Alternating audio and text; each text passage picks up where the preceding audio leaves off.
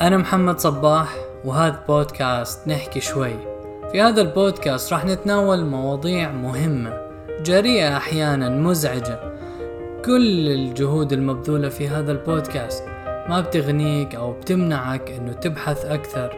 لا تتبنى أي آراء لا تتبنى فكري ولا كل ما أقول. خلينا نحكي شوي.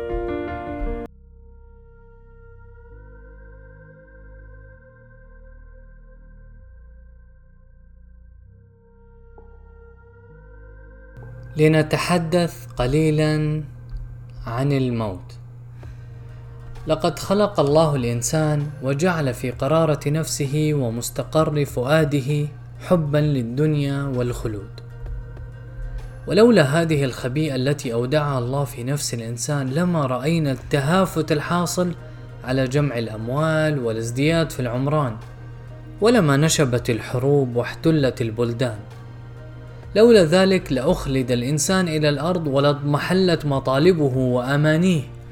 وفي هذا المقال وددت أن أكتب بعفوية وأرسم بعض الأفكار التي تجول في خاطري التي يمكن أن يراها البعض محض تشاؤم أو آثار اكتئاب. إلا أنها بالنسبة لي هي الحق المطلق والسبيل الأوحد الذي أبصرته بقلبي لا بعيناي. إننا لو نظرنا بنظرة موضوعية ومنطقية إلى الحياة والموت لرأينا العجب العجاب.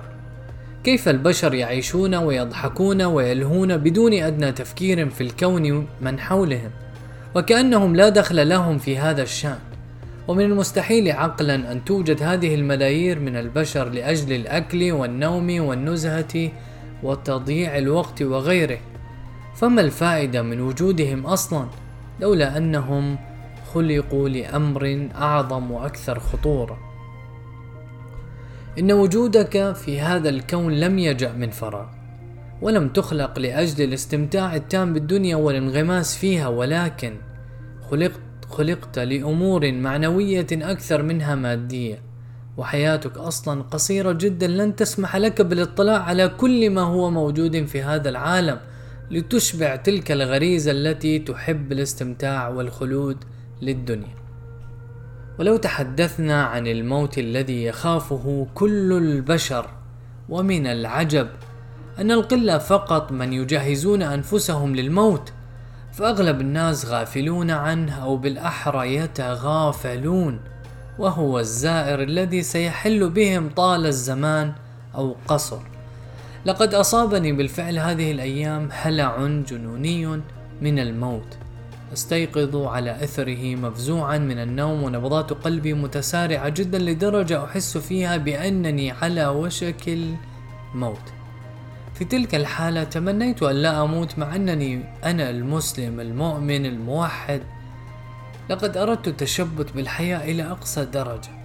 فلست مستعدا بعد إلى الدخول في هذا العالم الجديد. علي تماما والمجهول في نفس الوقت. إن إشكالية الموت والحياة, والحياة استنفذت تفكيري لدرجة لا يعلمها إلا الله. فحتى أنني صرت أطمئن نفسي أو أطمئن نفسي بأنها مجرد حالة اكتئاب عابرة ولكنني أيقنت أن الحقيقة هي أنني سأموت وهي مجرد مسألة وقت فقط لتحين تلك اللحظة المصيرية. ربما سيظن البعض أنني أخشى الموت لمثل تلك الأسباب المعتادة التي تجعل الناس يخافون الموت إلى أن الأمر مختلف معي. فإنني أفكر بأنه حاليا هناك عالم موازن لعالمنا. في اللحظة التي أكتب في هذه الكلمات عالم يظهر لنا ويظهر لنا مظلما صامتا كئيبا إلى أنني أحسب أنه عالم قائم بذاته فيه من الحركة والنور. ما هو أكثر من عالمنا المحسوس هذا؟ ولا أدري هل سيكون فيها هواء وماء وروائح وأصوات إلى أنني مثلكم. سنعلمها لما ننتقل إلى هذا العالم. ومن عجيب صنع الله سبحانه أنه جعل غشاوة على أبصارنا طيلة حياتنا التي لا نعلم مدتها ولكن في الغالب لن تتجاوز المئة سنة. والتي هي تشبه الثانية مقارنة بعمر الكون وعند لحظة الموت. يرفع الحجاب ويكشف العالم الآخر عالم الأموات. وخلال لحظات تصبح من سكانه تاركا خلفك دنياك التي مرت عليك لمح البصر. إن حياتك تشبه الحلم في الحقيقة وعند الموت سترى الحقيقة وكل دقيقة تمر عليك. تقربك أكثر من هذه الحقيقة. إنه يمكنني ملء صفحات عديدة في هذا الموضوع إلى أنني لم أعرف التعبير عن الأفكار التي تعتريني بطريقة يمكن أن تلامس ذهن, ذهن وقلب القارئ.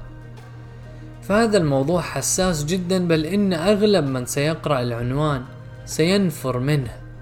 وكأنه غير معني بهذا الأمر الذي سيلاقيه بعد زمن بل إنه في هذه الثواني القليلة.